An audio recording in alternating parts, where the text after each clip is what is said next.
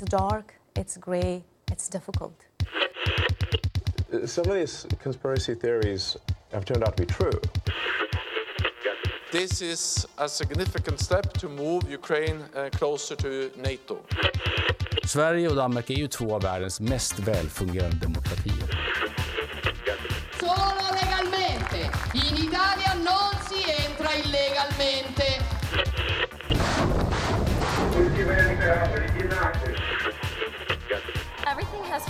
Place. I feel really good about where I am right now. Fredrickson of Denmark and uh, the, the Minister Jacobo, the daughter of Ireland. Do you guys ever think about dying?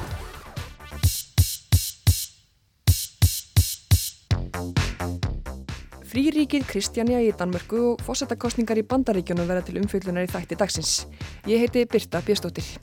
Og ég heiti Bjarni Pétur Jónsson og við byrjum þáttin í dag í Danaveldi þar sem Hallgrimur Indriðarsson spáir í framtíð fríríkisins Kristjani. Já, og í síðar hlutunum ætlum við Bjarni Pétur aðeins að spá í spilin fyrir fósettakostningar í bandaríkjunum á næsta ári.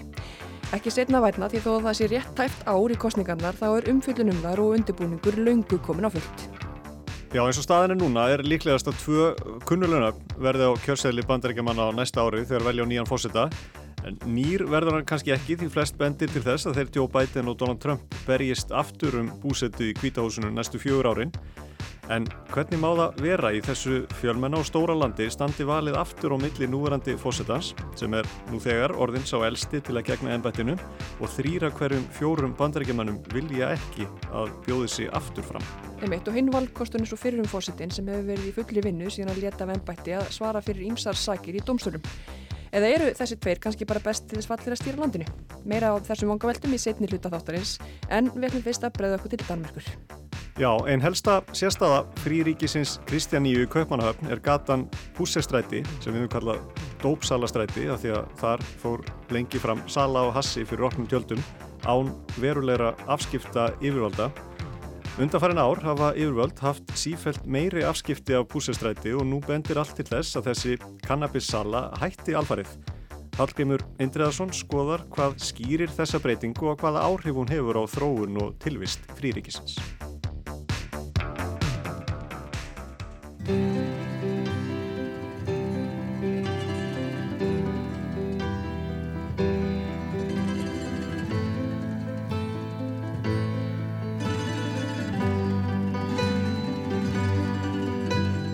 Lagreglan gerði rassíu í Púsérstræti í fríríkinu Kristjaníu í Kaupmannöf 20. á annan november síðastliðin. Í þeim tilgangi að loka sölubásum þar sem kannabis hefur verið til sölu áratugum saman. Þetta hefur lauruglan gert nokkuð reglulega. Þá ofinjulega við þessa rassíu var að lauruglan tilkynnti um hana daginn áður og saði meiri segja klukkan hvað hún kæmi, þrjú síðdeis. Með þessu gaf lauruglan til kynna að þetta er þið fyrsta skrefið í þá átt að loka Púsérstræti til framtíðar sagði Simon Hansen, varalaureglustjóri Kaupmannahafnar í viðtali við TV2. Det er vigtigt for os at sige, at ved siden af sådan en dag som i dag, øh, med en tillukning eller nedlukning i den her periode, så har vi en omfattende indsats. Så det, at vi anholder os øh, og sigter sælger, er ikke noget nyt i sig selv. Det gør vi nærmest alle andre dage. Það er ekkert nýtt að við séum að skera upp herur gegn þeim sem selja fíkniðefni. Það gerum við á hverjum degi. Þessi dagur snýstum að senda skilaboð og við viljum fá íbúa Kristjaníu með okkur í lið þar að segja sölumununum og þeim sem dreifa hassi að Pusherstræti verði lokað. Men i særdeleshed dem, der står bag den organiserede hashhandel, at Pusher Street kommer til at lukke. Peter Hummelgaard, dómsmálaráþeira, tók í sama streng. Måde, fordi vi reelt gerne vil en permanent lukning af Pusher Street. Hann tók þó fram að það yrði að gera í samstarfi við Íbúa Kristjaníu, borgari við völdi Kaupmannahöfn, laurreglu og dómsmálaráðuniti. Lengi voru kannabisefni seldi í Pusherstræti án verulegra afskipta yfirvalda. Það var einn helsta sérstaða fríríkisins. Nú erum við ímis merki um að svo sérstaða sé að líða undir lok. Við skoðum orsakirna nánar á eftir en förum fyrst rúm 50 ára aftur í tíman og skoðum aðdragandan að stopnun fríríkisins. Það er mikið húsnæðisleysi hjá ungu fólki í, í, í kaupmannahöfna á þessum tíma sko. og fólk var að það reysaðna upp sko reyfing sem var kallað þessi slumstorminni sem hérna fór inn í hús sko, sem var yfirgefin húsið eða voru, sem var verið að gera upp og læðuðu undir sig. Þetta er Benóni Ægjesson, rítöfundur með meiru og einn af þeim sem tókuð þátti í stopnun Kristjaníu árið 1971. Blaðamaðurinn Jakob Lúðvíksen gaf á þessum tíma át tímaritið Hóveðblaðet sem Benoni segir að hafi verið málgagn hippa á þessum tíma. Í grein í blaðinu benti Lúðvíksen á yfirgefin hús í eigu hersins sem ekki voru í nótkunn. Og ég ásandu fleirum hérna, lögur landandi fót og, og fórum hann úti út á Kristjanshán og klefruðum yfir gerðingar og, og gattavir og skoðum þetta sæði fram og tilbaka og, og hérna mitt fólk læði undir sig sko íbúð í hérna eh, administrasjónsbygging stjórnabygging hersins sem var flottast að byggingin á sæðinu sem var Raut Timburhús nei, mústenshús sem hétt svo setna stóra rauða ljónahúsið Yfirtakan var ólögleg og af þessum sögum hefur alltaf vofað yfir svo hætta að fríríkið verði lagt niður, með sterk þó. Benoni segir að fyrst hafi verið reynd að koma íbúum út. Það sem herin átti svæðið en hafði ekki fæst það neitt annað, reyndist það yfirvöldum erfitt. Það var svona stormsveit af löglumönnum eða herrlöglum eða hvaði voru sko, sem genguð þetta um og terroriseruð okkur og, og reynda að koma okkur út sko. En ef það voru nógu þölsetti þá, þá hérna gekk það svo sem upp sko. Í stefnusgrá ríkisins kemur fram að markmiði sé að koma upp sjálfbæru samfélagi þar sem hver einstaklingur geti þróað sína hæfileika frjálst á samfélagslega ábyrgan hátt. Hver og eitt ber ábyrð á sjálfum sér og sínum. Kristjánía kom sér fljótlega upp sínum eigin fána, þremur gulum ringjum á rauðum fleti, ringirnir tákna punktana yfir yinn í nafninu Kristjánía. Árið 1976 var til óopenber þjóðsöngur Kristjáníu þegar hljómsveitin Bifröst gaf út lægið Í kann ekki sló oss í jæl eða Þið getið ekki drefið okkur.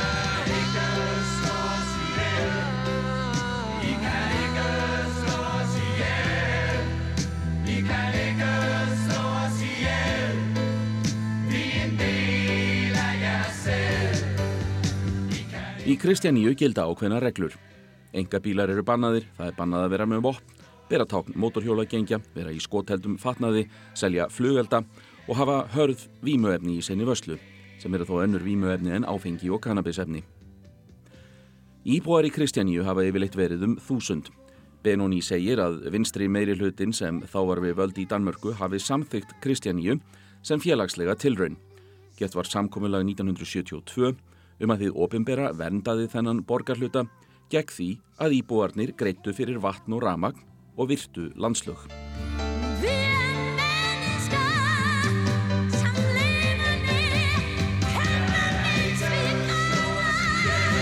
Einhvern veginn þá fekk þetta að, að, að, að dóla, sko. Ég held nú kannski samt að þegar það framleiði stundir að þá hafi menn regnaði þessu út, út, út, út frá því að þérna, það væri ódýrara að leifa fólkinu að vera þarna heldur en að henda þessu öllu á, í fjallmálapakkan, sko. Og síðan náttúrulega líka kom það til að að, hérna, að menn sá að það eru of kostnaði samt að reynsa svæðið.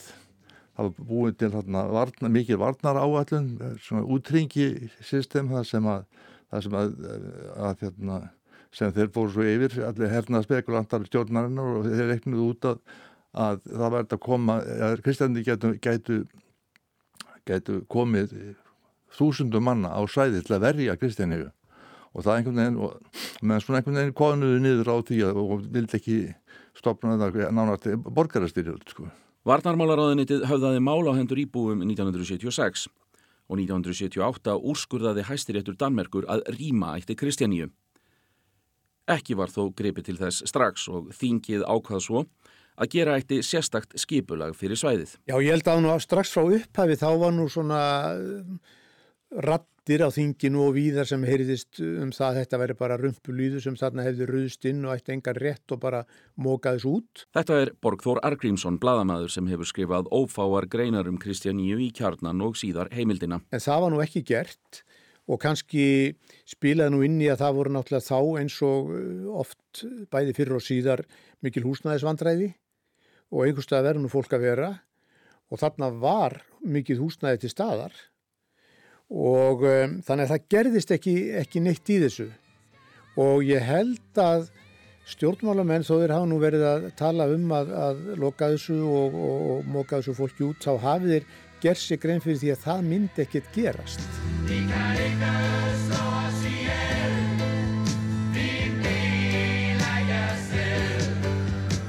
En það sem Kristjaníja hefur verið frægust fyrir er gatan, púsjárstræti og kannabisefnasalan þar sem byrjaði skömmu eftir stopnun ríkisins.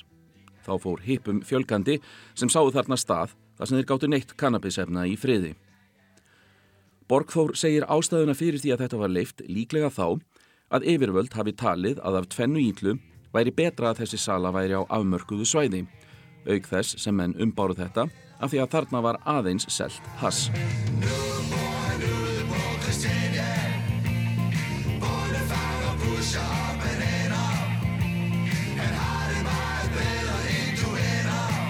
Svo gerist það að í þessu náttúrulega voru peningar og það voru heimamenn komið þarna til að vestla og ferðamenn voru auðvitað líka að kaupa og komið jafnvel frá öðrum löndum til þess gaggjert að kaupa. Og þá fara glæpagengin að horfa á þetta. Og þau fara að blanda sér í málið og, og maður veit nú svo sem hvernig það gengur fyrir sig þeir íta öðrum út.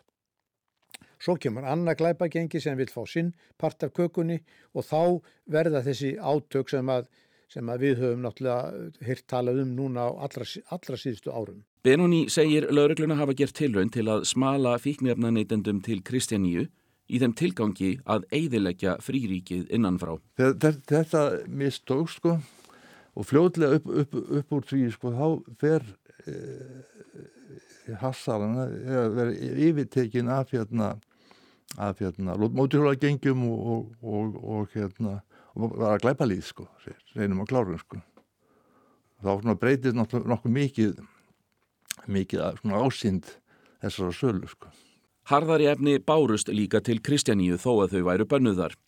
Í lok áttunda áratugarins létust tíu manns á skömmum tíma af völdum of stórs eitulifja skants. Íbúarnir tóku þá málinn í sínar hendur, settu upp næturvakt við helstu byggingar og reyndu með því að koma þeim sem seldu hörð efni burt. Þessi barátta fekk einnig útrás í tónlistinni rétt eins og baráttan fyrir tilvist Kristjaníu. Árið 1980 kom út platan Fix og Ferdi, Rock Mode Junk. Söngvari Beifrastar var meðal flytjanda á þessari plötu og nú var barist á móti vímuefnum í Kristjaníu.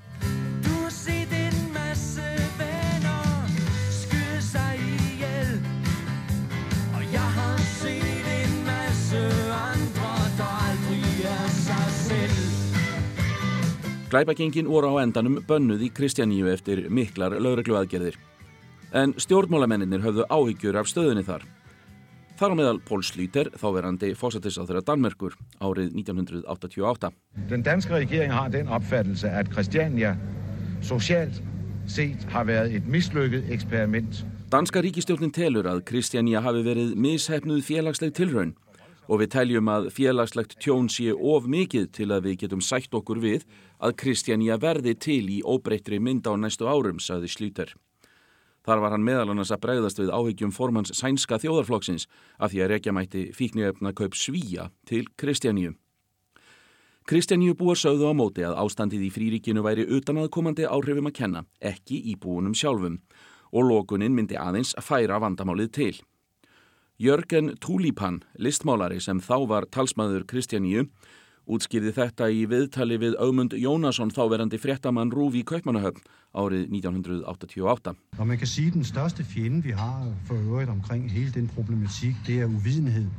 Stærsta vandamálið er vannþekking, bæði á því sem gerist í Kristjaníu og í samfélaginu almennt, saði Jörgen, sem vísaði því að framt alfarið og bögað fríríkið væri misefnuð tilraun.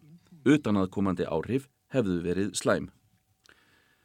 Kristjaníubúar höfðu sitt fram og danska þingið lögleiti tilvist Kristjaníu árið 1989.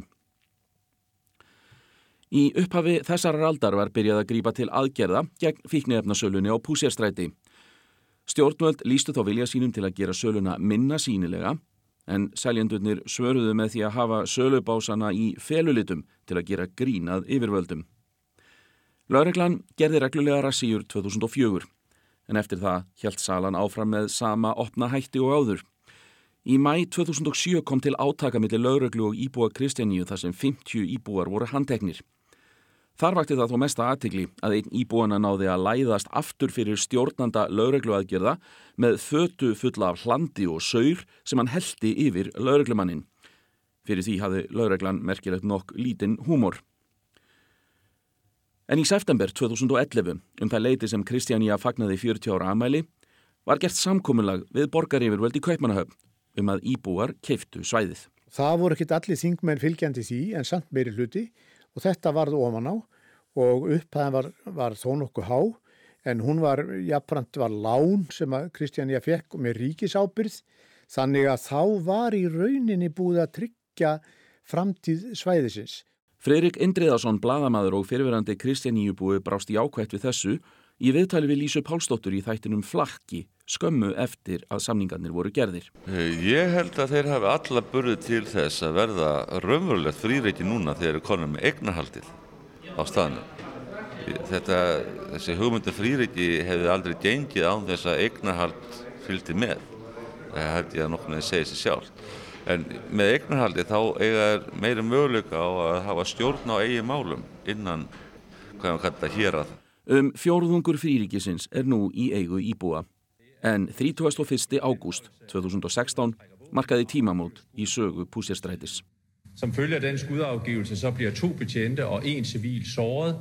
Den ene betjent og den civile er i øjeblikket uden for livsfare, men den sidste betjent er hårdt såret og befinder Maður með töluverða fjármunni á sér, líklega fyrir sölu á kannabisefnum, skaut tvo lauruglumenn og einn íbúa Kristjaníu í Pusherstræti þegar lauruglan ætlaði að handtaka hann. Einn var skotin í höfuðið, livði naumlega af en þurfti langa endurhæfingu. Maðurinn slapp en var handtekinn eftir skotbardaga við lauruglut nokkrum tímum síðar og lest svo af sárum sínum. Þreymundugum setna voru sölubásatnir og púsjastræti fjarlæðir.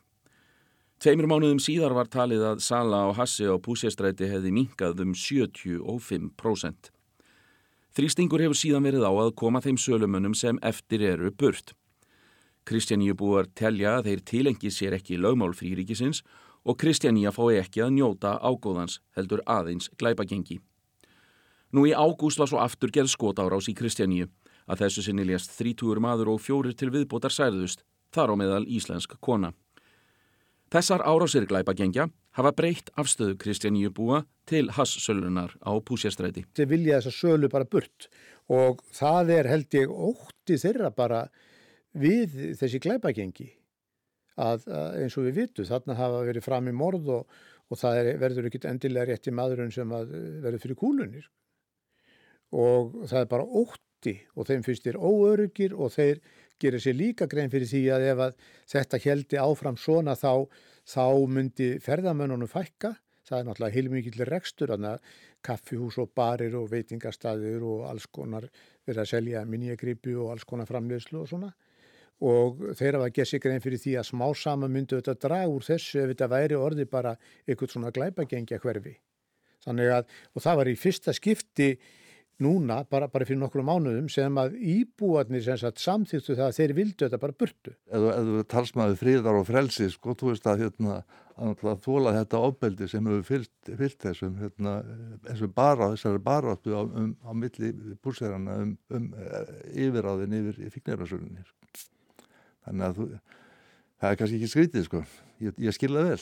Og þetta heiði sklögt eftir síðustu rassíu fyrir rúmri viku á einum af talsmönnum íbúa Kristjaníu Rísenga Mangesi. Hann sagði að rassían hefði ekki stóra þýðingu, þar sem reglulega hefði verið talað um að loka púsistræti. En hann kom þó fram með ósk frá íbúunum. Det vi siger fra Christianias side, og det er, at vi ber øh, alle dem, som elsker Christiania om ikke at købe deres has her mere, øh, fordi vi vil have Pusher Street lukket. Við byggjum alla sem elska Kristjaníu um að kaupa ekki hass hérna lengur. Eftir 50 ára hassölu í Kristjaníu eru afleðingarnar orðnar of miklar, þannig að það er góð hugmynd að þeir sem kaupa haldi sig fjari, segir Mangesi. Þeir eru því sjálfur á því að tími hassölu á Pusherstræti sé liðin.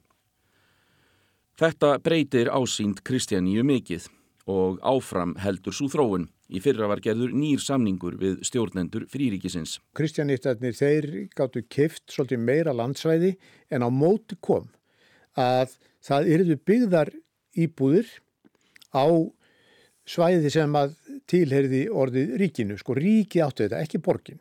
ríki áttu þetta, en þetta er undir skipulags ákvaðum borgarinnar, eða síður, og nún eru þeir sem sagt inn í, inn í þessu skipulagi. Þetta eru 300 nýjar íbúðir upp á alls 15.000 fermetra sem verða byggðar fyrir árið 2031. Á sama tíma á Kristjaníu að kosta á að fá hluta af landi sem nú tilerir Kristjánsöfn.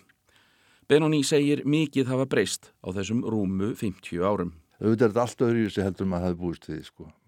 Maður bjóstu þetta að þetta er kannski meiri menningarstarfsemi heldur en, heldur en er, sko, en, en hérna, eitthvað hljótaður að vera að gera rétt er þetta ekki fjóruði stærsti túrista attarsjónin í, í, í, hérna, í Kaupmannahöf, sko. Borgþór segir að núna geti íbúar Kristjaníu unnað vel við sitt.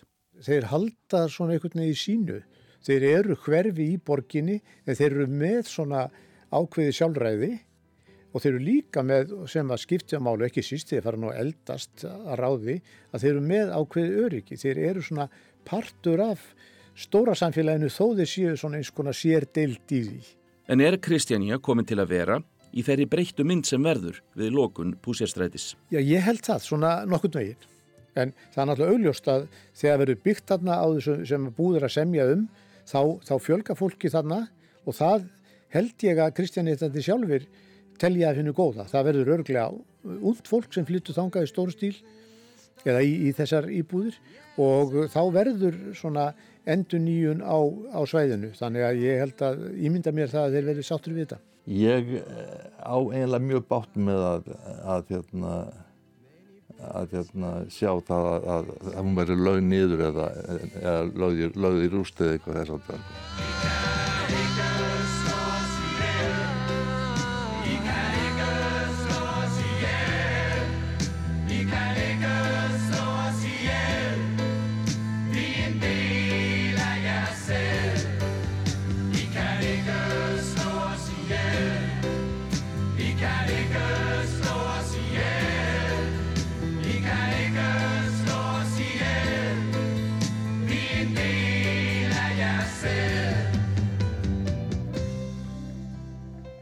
Bandarækjumenn velja sér nýjan fósita þriðudaginn 15. november á næsta ári, venju samkvæmt fyrsta þriðudaginn november. Nýr fósiti er kannski ekki rétt orðalag hér. Fátt bendir annars en að bandaríski kjósendur geti valið á millið tveggja mjög kunnulegra nafna á kjörselinum, þeirra Joe Biden og Donald Trump. Og það stefnir í kappræður og harða kostningabaróttu innan raða republikanaflokksins en þar hafa margir meldað sitt í leiks Síðan marka skoðanakannanir virðist enginn þeirra eiga minnsta möguleika í að ná viðlíka fylgi flokksmanna og fyrrum fósettin, Donald Trump. En meðal demokrata er spennan minni þegar að segja um hver verður þeirra leittóefni í kostningunum á næsta ári. Við ætlum nú aðeins að fara yfir stöðu og möguleika í hverjum flokki fyrir sig og við skulum byrja á þeim flokki sem nú er við stjórnulinn, flokki fósettabandaríkjana, demokrataflokknum. Really Þetta er bandaríski uppistandarinn Bo Burnham. Hann er vinsæl grínisti og hefur ekki síst vakið aðtikli fyrir myndbönd og lagasmíðar eins og þessar hér. Það sem hann spyrir einfallega, hvernig er besti valkosturinn Joe Biden?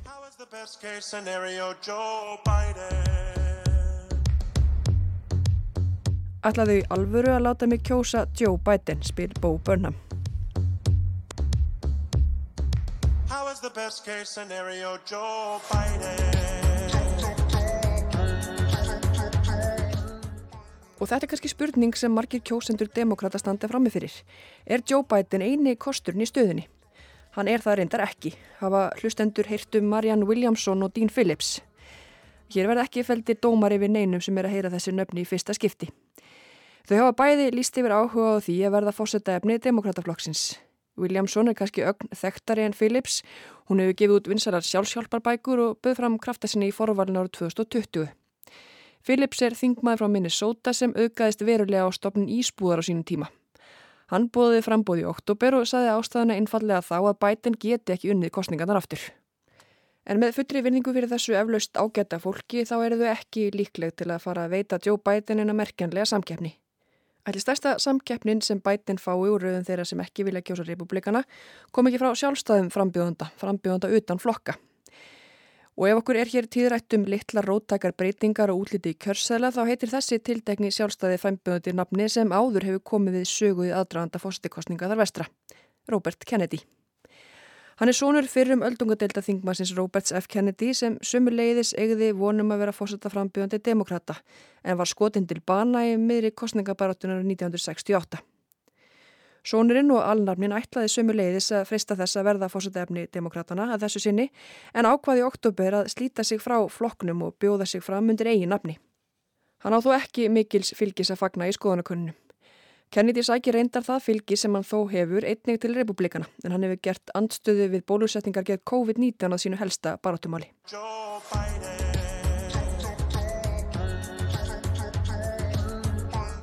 Það verður ekki af bætinn tekið að hann er reynslu mikill. Hann var eitt sá yngsti í sögunni til að ná sæti í öldungadeild bandarækjathings var aðeins 29 ára gamall.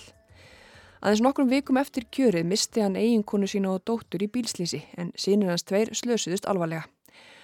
Hann hóf þingkveðilsinn hlaupandi á milli þinghúsins og sjúkrarhúrum svona sinna. Annar sonur hans lést svo árið 2015 úr heila eksli en eini eftirlifandi sonur bætens, Hunter, hefur verið talsvert til umfyllunar í fjölumveilum undanfærin misseri. Meint skattalaga og vopnalaga brótans hafa verið til rannsóknar og pólitískir andstæðingar fósettans saka hann um að hafa beitt pólitískum áhrifum sínum til aðstóða sonarins. Biden var öldungadelta þingmaður frá árunni 1973 allt fram til ásins 2009 þegar hann varð varafósetti Barack Obama og stóð við hlið hans bæði kjörtímabilin fram til ásins 2017. Biden var svo sjálfur kjörinn 47. fósetti bandaríkjan eins og kunnut er. Í valdatíð sinni sem fósetti hafa efnagasmálinn heima fyrir verið í forgangi. Hann hefur bakað sér óvinnseldir bæði meðal demokrata og republikana vegna stefnu sinnar í málefnum innflytjanda en aldrei hafa fleiri ólöglegir innflytjandur komið yfir landamærna Mexiko en í stjórnatíðans. Fylgi bætens hefur svo aldrei mælst lagra en undarfarna vikur en demokrater eru margir óanæðir með indregin stuðningans við stjórnvöldi í Ísrael í hemdaraðgerðum gegn Hamas-samtökunum sem bytna vest á íbúum Gaza.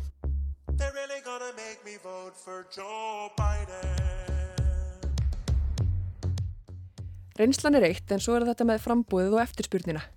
Biden segist sjálfur vera eini raunhæfi möguleiki demokrata til að skáka Donald Trump. Og er það ekki um það sem að demokrater hafa verið gaggrindi fyrir, bæði síðustu kostningabáratu núna að engin skárre en Biden sé í búið á móti umdeldum frambjóðanda á Trump? Jú, einmitt. Og þessi staðhæfing Biden sem að hann einn geti unni Trump minnir aðeins á andrumslofti aðdraðanda síðustu fósittakostningana. Það sem að demokrautum var mikið munum að finna frambjóðanda sem gæti unni Trump. Það var einhvern veginn svona aðalfókusin, ekki endilega mann kostir frambjöðanda. En það tókst bæten sem sagt og heldur að hann geti gert það aftur. 75% bandarækjamanna, eða þrýr að hverjum fjórum, eru hins vegar þeirra skoðunar að bætin ætti ekki að bjóða sig aftur fram. Aðeins færri eða 69% eru þeirra skoðunar um Donald Trump. En fleiri, eða um 80% eru þeirra skoðunar að bætin sé of gamal til að halda áfram að gegna ennbætti fósetta bandarækjana. Og hann er það, hann er 81 ás gamal og er nú þegar svo elsti sem nokkur sinni hefur setið í þessu valdamikla ennbætti og slæðir það með þá sjálfur verðan endurkjörinn. Hann á amalið 20. november og verður þá alveg að verða 82 ára þegar fósildakostningarnar bresta á á næsta ári. Og þetta er aldur bara að tala en mörg hafa viðrað áhyggjur af helsu fósittans. Það hefur stundum sleið úti fyrir rónum á bladamannafundum og hann hefur einnið rasað. Verðan endurkjörinn og ná hann að setja setna kjörtímabilað enda verður hann 86 ára gamall þegar hann sest í Helgan Stein eða hvað sem hann hyggst gera eftir næsta kjörtímabil. Og bætin er ekki sá eini, talsvert hefur verið fjallað um sífælt hækkandi aldur ráðamanna í bandaríkjunum. Þar eru um helmingur öldungadeilda þingmanna komin á eftirleina aldur og meðaraldur þingmanna eru 64 ár. Og það er alveg rétt, bætin er ekkit sérstaklega vinsæl en hann er þó ekki eins óvinsæl og varafóstinans Kamala Harris við höfum alveg eftir að tala um hana og það er kannski ástæði fyrir því að það er eiginlega engin að tala um hana. Nei, það fer lítið fyrir henni. Kamala Harris braut bladi í sögunni þegar hún varð fyrsta svarta konan til að verða varafásitt í bandaríkjana. Hún var mjög ábyrrandi í kostningabarótu bætens og þótti mörgum bóðberi nýra tíma í bandarískum stjórnmálum. We did it, we did it Joe. You're gonna be the next president of the United States. Einn valdamesta konabandaríkjana hefur eins og aðrar konur í áhrifastöðum þar vestra orðið skotspót mikils áriðis og hótana á samfélagsmiðlum. Staðarinn sem að skýra að mati sumra stjórnmálarspekuranta að hluta af óvinsældum hennar. En áðunemt staða á landamænum bandaríkjana og Mexiko hefur sumulegis kostað Harris talsvert fylgi. Hún mælist óvinsætli í skoðanakönnum en allir síðustu forverðir hennar í hann bætti var að fósita þeir Mike Pence, Dick Cheney, Al Gore og Joe Biden. Og eftir því sem hefur lið á kjörtímabilið þegar Biden og Harris þá hefur varafósettin orðið sífælt ósynlegri. Þráttur í þetta hefur Biden bóðað að hún verði áfram varafósettefni hans í komandi kostningabaratu til endur kjöss. En Harris sækir fylgið sitt einna helsti kvenna, svartra og háskólamentara bandarækjumanna. Já, og að því að við erum mikið að vinna með sömu persónu og leikendur, lægi það ekki beint við að Donald Trump hafi varafósettan Mike Pence við hliði komandi baróttu. En það er endur ósennilegt með hvernig samband þeirra hefur þróast. Pence ætlaði um tíma að veita Trump samkeppni í fórvalinu en dró frambósið tilbaka í oktober. Eða hvað segir þú Bjarni Pétur, er ekki ólíklegt að Trump velji Pence sem sinn meðreðasvein í komandi kapplöpi reyfblikana? Jó, ég held að það verði aldrei og það eitt og sér er merkilegt að republikanar ætli að, treysta á Trump af því að sögulega þá er þeim frambjóðundu sem að tapa kostningum yfirleitt bara hent út í hafsuga strax og, og afar sjálfgeft að þeir fái annað tækifæri og hvað þá strax í næstu kostningum. En það eru flestir samáluðum að ef að þeir veikjast ekki alvarlega þegar Trump og Biden eða bara reynilega falla frá og þá verði þetta einvið þeirra á milli eins og síðast. En ég skoðaði aðeins uh, svona republikana megin og þar er allavega barist um útnefninguna uh, þó svo svo bara átt að sé kannski ekki mjög hörð uh, ennþá af því að Trump er með það mikla fórustu. Hann hefur til dæmis ekki eins og sé ástæði til að mæta anstæðingu sínum í, í kappræðum sem hafa verið nokkrar núna í höst og vetur. En hann segist reyndar verið að íhuga að mæta þeim í, í, fyrsta sinn í kappræðum sem hafa að halda í Alabama á miðugudaginu næstu viku en það er uh, óvist hvort hann láti verða að því meðan hann mælist uh, þetta vel í konunum og það hefur ekki verið neitt sem ógnar honum til þessa og, en það er, uh, við getum sagt, langt í kostningar og, og það geti vel breyst. And personally, I think to save the country, we need to send a badass Republican woman to this White House.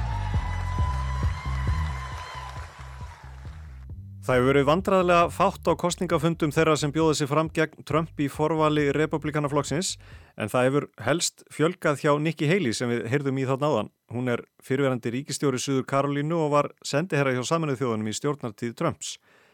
Og Trump hefur gert mikið úr því á sínum kostningafundum að hún hafi áður sagt að hann hefði verið frábær fósetti og hún myndi aldrei bjóða sér fram gegn honum.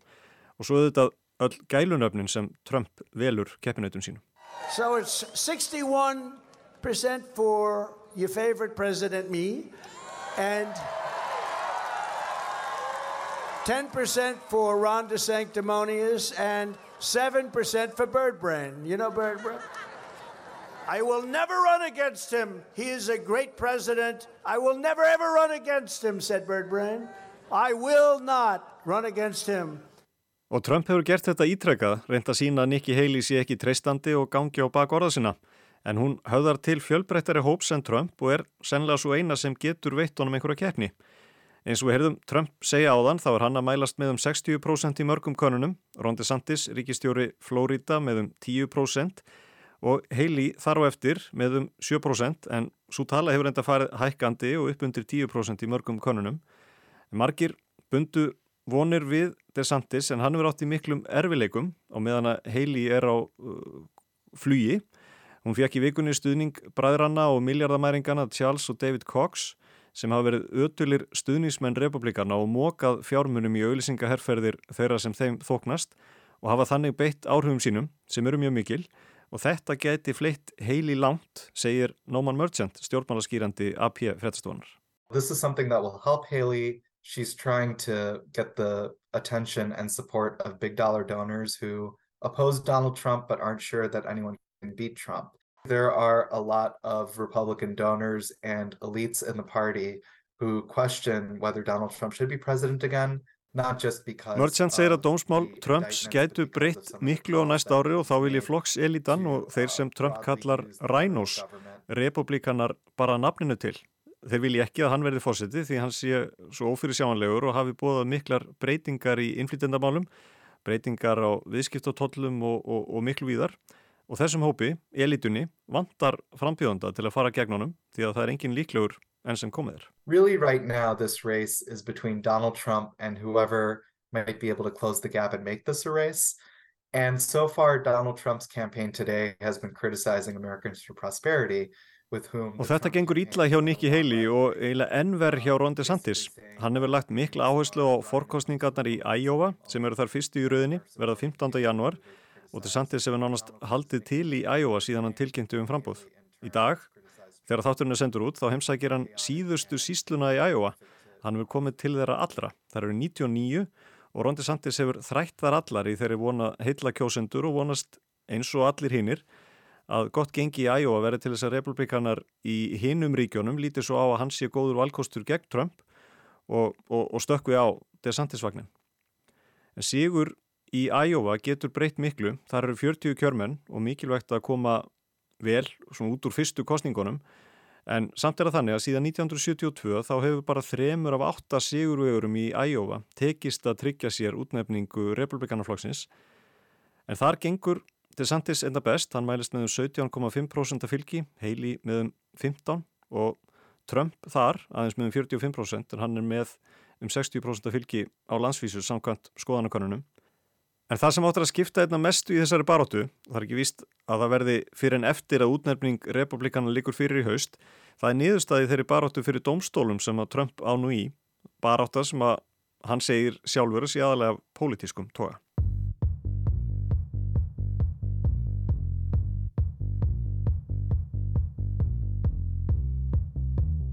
Inflation is eating our country alive, I'm down here, and these are all political opponent attack ads by the Biden administration. Their poll numbers are terrible. I'm leading all over the place, but uh, it's a very unfair situation. This is really election interference, I told her. This trial is ridiculous.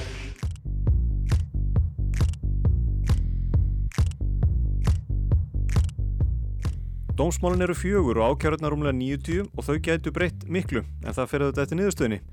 Þarna á meðal er hlutur Trumps í áhlaupinu á þinghúsið í Washington áður en Biden tók við ennbætti í byrjun ást 2021. Það mál verður tekið fyrir fjórðamass, daginn fyrir ofur þrýðudaginn svo kallega þegar flest forvölin eru en þanga til er öruglega þessi þrjú eftir að berjast um stuðning republikana, það eru Trump, DeSantis og Haley Og svo eru þarna líka í baróttinni aðtafna maðurinn Vivek Ramaswamy sem mælist með rúmlega 5% í skoðanakonunum á landsvísu. Það er bara nokkuð gott fyrir nýliða eins og hann. En svo hefur Chris Christie fyrirvendir ríkistjóri New Jersey líka verið í baróttinni en hann var lengi helsti bandamaður Trumps, snýrist svo gegn honum. Og svo hefur Tim Scott líka verið að taka þátt í kappráðanum en það stýttist í að hann heldist úr lestinni og jafnvel fleiri þegar að líðaferra áramótum eða þá snemma á næsta ári. Vote for Joe Biden.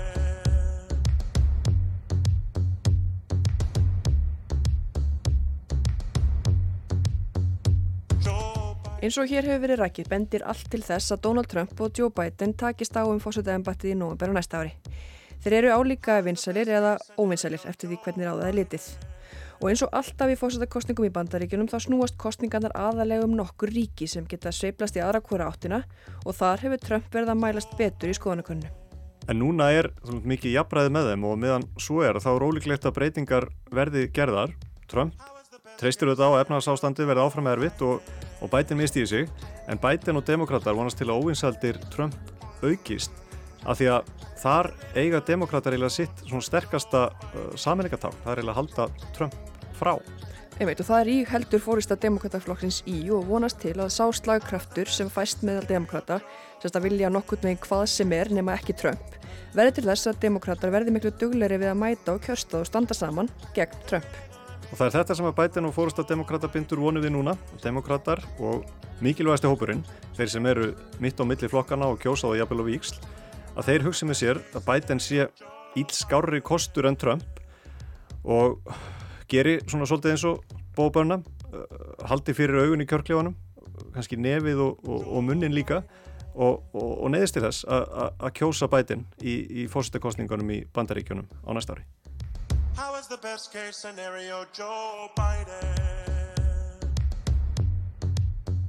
Þetta verða loka orðin heimskvöðum þessa vikuna en eru ekki loka orðin um fórstakostningar í bandaríkjunum á næsta ári. Við verðum hér á sama tíma í næstu viku. Takk fyrir að hlusta. How is the best case scenario Joe Biden?